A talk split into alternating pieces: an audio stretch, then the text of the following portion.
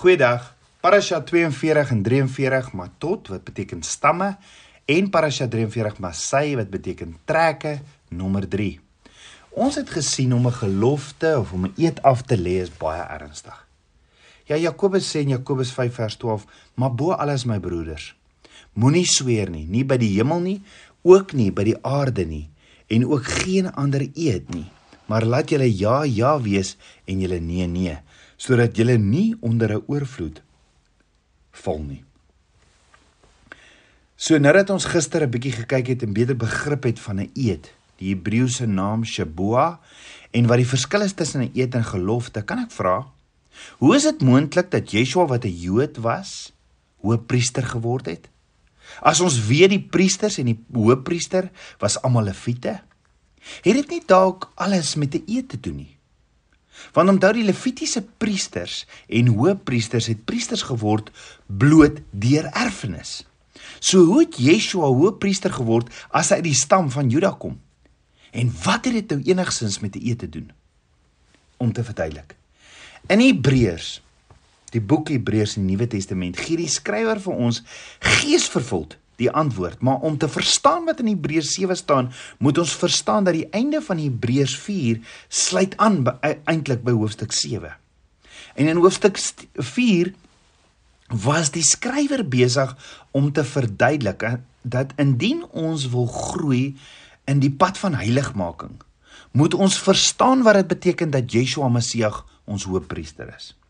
Ja Hebreërs 4 vers 14 tot 16 eindig met Terwyl ons dan 'n groot hoëpriester het wat deur die hemele deur gegaan het, naamlik Yeshua die seun van God, laat ons die belydenis vashou, want ons het nie 'n hoëpriester wat nie met ons swakhede medelee kan hê nie, maar een wat in alle opsigte versoek is net soos ons, maar sonder sonde.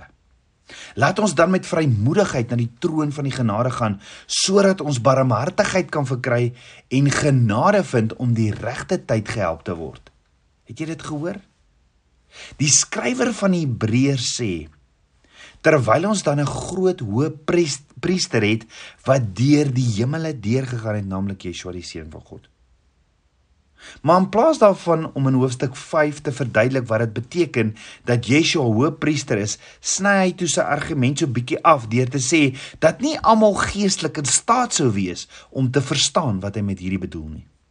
Daarom vir die res van hoofstuk 5 as ook hoofstuk 6 praat hy toe oor hoe baie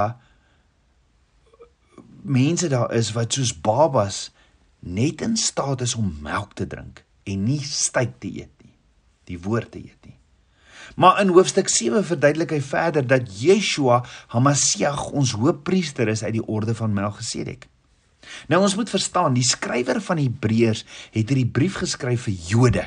Dis vir wie Hebreërs, die boek Hebreërs geskryf is, is vir Jode wat Yeshua aanvaar het as hulle verlosser en saligmaker.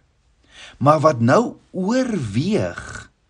Hulle glo in Yeshua, hulle is Jode, hulle maar en hulle glo nou in Yeshua, maar nou oorweeg hulle om weer na die kultus, die rituele van Judaïsme waarmee hulle groot geword het, terug te keer. Onthou, Vir 1500 jaar lank het die Jode en al die ander kinders van Israel die afstammelinge van Aaron gesien as aangestelde priesters van Abba Vader. Priesters van die orde van Aaron. Aaron en Moses was afstammelinge uit stam van Levi wat die derde kind van Jakob en, en Lea was. Daarom word die Aaronitiese priesters ook Levitiese priesters genoem.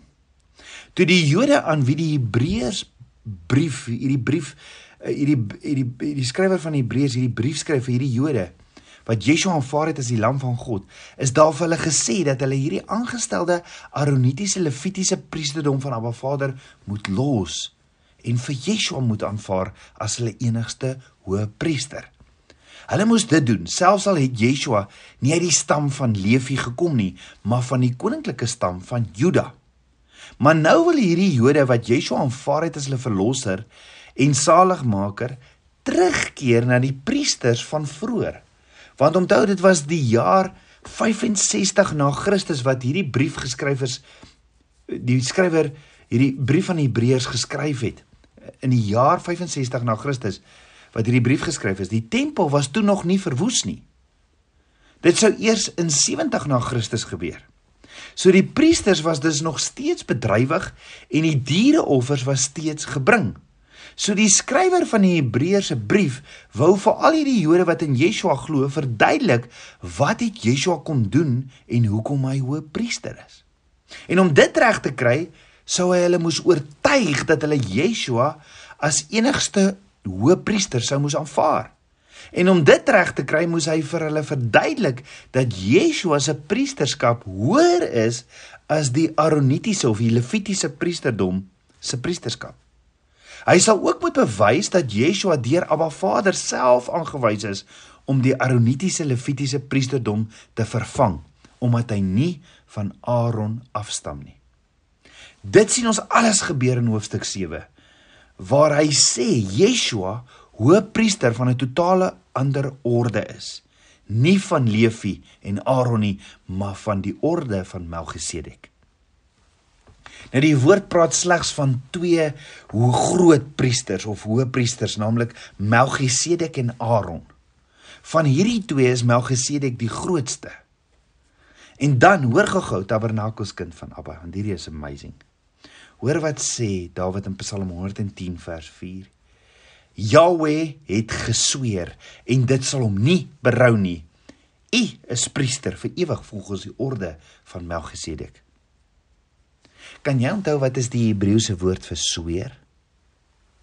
Onthou beide sweer en eed kom van dieselfde roetwoord in Hebreëus shaba af. Shaba wat letterlik beteken om volledig te wees of tot volmaaktheid en is ook aan die woord Shabbat gekoppel. Met ander woorde, Abba Vader verbind homself en dit is heilig en dit sal vas wees en nooit ooit verbreek word nie. So Abba Vader sweer of lê 'n eed af. Hy sweer dat die Messias sal 'n priester wees, nie uit die orde van Levi soos die Levitiese priesterdom was nie, maar uit die orde van Melchisedek. Nou wie is Melchisedek? Gaan lees jy Genesis 14 vers 18 tot 24. Dan sien jy Abraham is op pad huis toe met dit wat hy gejag het. En skielik kom Melchisedek vir Abraham tegemoet. Melchisedek was beide 'n koning en 'n priester. Hy was koning van Salem. Salem wat die latere Jerusalem word. En hy was 'n priester van Abba Vader. Wie is ons hoëpriester nou? Yeshua en gaan hy vir 1000 jaar regeer? van Salem Jerusalem. Melchisedek, maar in elk geval Melchisedek bring toe brood en egte druiwe uh, druiwesap te voorskyn vir Abraham en bedien vir Abraham in sy diensknegte. Hy seën toe vir Abraham in Jahweh se naam en vertel vir Abraham dat Abraham sy militêre oorwinning van Abba Vader ontvang het. In uitreaksie hierop gee Abraham toe vir Melchisedek 'n tiende van alles wat hulle by hulle gehad het. So kan ek gou vra, toe dit gebeur het, waar was Levi of Aaron toe dit alles gebeur het? Levi of Aaron, Aaron was lank nog nie gebore nie, want Levi sou 'n latere afstammeling van Abraham wees. Uit Abraham sou Isak gebore word en uit Isak Jakob en Esau en uit Jakob 12 seuns wat die 12 stamvaders van die 12 stamme van Israel sou word en Levi was die derde seun van Jakob en Lea. Daarom is Melchisedek groter as Levi of Aaron. Ja, hierdie orde van Melchisedek was eerste. Toe baie jare jare later gee Abba Vader vir Dawid 'n geestesblik. Hy gee vir hom 'n openbaring in die geestesriem en sê Yeshua, die Messias, gaan vir ewig hoëpriester word volgens die orde van Melchisedek, nie Levi nie. Met ander woorde Melchisedek as persoon en as koning priester was eintlik 'n prentjie of 'n beeld of 'n rigtingwyser na Yeshua, 'n profesie. Hoekom? Want Melchisedek was beide koning en priester, soos Yeshua sou word en Aaron was net hoëpriester. Melchisedek was koning van geregtigheid. Dis wat sy naam beteken. Yeshua is die koning van geregtigheid. Hy is ons geregtigheid 1 Korintiërs 1 vers 30. Aaron was dit nie. Jy sien Yeshua se priesterskap is van 'n hoër orde as die Levitiese priesters. Na wie die Hebreëus die hierdie Hebreëse brief wou terugkeer. Hierdie Hebreëse brief wou terugkeer daartoe. Hierdie Levitiese priesters en hulle in hulle offers kon ook nooit tot ware totale vergifnis en aanvaarding by Abba Vader enige iemand bring nie. Maar Yeshua se offer het wel. Net die blote feit dat Yeshua tot 'n ander orde van priesterskap behoort, is genoeg bewys dat die Levitiese priesterorde met hulle diereoffers nooit die sondaar se ware nood effektief kon aanspreek nie. Anders sou 'n priester uit die orde van Melchisedek mos nooit nodig gewees het nie. Dan sou Yeshua ook maar net 'n priester uit Levi en Aaron se geslag gewees het. Maar hoe het 'n Levitiese priester nou weer sy amp bekom? Hy het dit geërf. Hy moes gebore word in die stam van Levi en uit die geslag van Aaron. En as hy 'n sekere ouderdom bereik het, het hy priester geword. Geen verdere vereiste nie. Nie eens 'n eetswering nie. En dit was so maklik soos dit. En hoe het Yeshua die amp van hoëpriester betree? deur Abba Vader se eetswering. Nie 'n eed wat Yeshua moes aflê nie, maar wat God die Vader afgelê het. En hierdie eed was onomkeerbaar. Soos Abba Vader vir Yeshua sy seun gesê het, jy is priester vir ewig volgens die orde van Melchisedek. Hoor wat sê Hebreërs 7 vers 20 tot 24 en vir en vir sover dit nie sonder eetswering was nie want hulle het sonder eetswering priesters geword. Maar hy met eetswering deur die een wat aan hom gesê het die Here het gesweer en dit sal hom nie berou nie. Hoe amazing is dit hoe dat die die Hebreër daai mense ver, ver, verwys na Vader se belofte in Psalm 110 vers 4 sy eed En dan gaan die Hebreër verder en hy sê: "U is priester vir ewig volgens die orde van Melchisedek." En sover het Yeshua van 'n beter verbond borg geword en hulle het wel priesters geword in 'n groot aantal omdat hulle deur die dood verhinder is om aan te bly, maar hy omdat hy vir ewig bly, besit 'n priesterskap wat nie op ander oorgaan nie. Yeshua het hoëpriester geword deur 'n onvoorwaardelike onherroepelike eed. Want sien Yeshua was nie van uit die stam van Levi nie. En Yeshua se priesterskap is vir ewig. Want Hebreërs 7 vers 23 tot 25 sê vir ons verder: "En hulle het wel priesters geword in 'n groot aantal omdat hulle deur die dood verhinder is om aan te bly. Maar hy, Yeshua, omdat hy vir ewig bly, besit 'n priesterskap wat nie op wat nie op ander oorgaan nie. Daarom kan hy ook volkome red die wat deur hom tot God gaan, omdat hy altyd leef om vir hulle in te tree. So geen Levitiese priester het vir het vir altyd geleef nie. Die een geslag van priesters is deur 'n volgende vervang en daar was aanhoudende en konstante verandering. Daar was nooit 'n 'n spesifieke priester op wie jy vir altyd kon vertrou nie. Met Yeshua as hoofpriester verander die prentjie geheel en al. Hy het nie sy priesterskap geërf nie, Dit is persoonlik aan hom gegee deur sy Vader in 'n eed wat afgelê is. Dit kan ook nie oorgedra word op iemand anders nie en dit hoef ook nie want hy lewe vir altyd. Yeshua leef vir altyd as ons hoëpriester.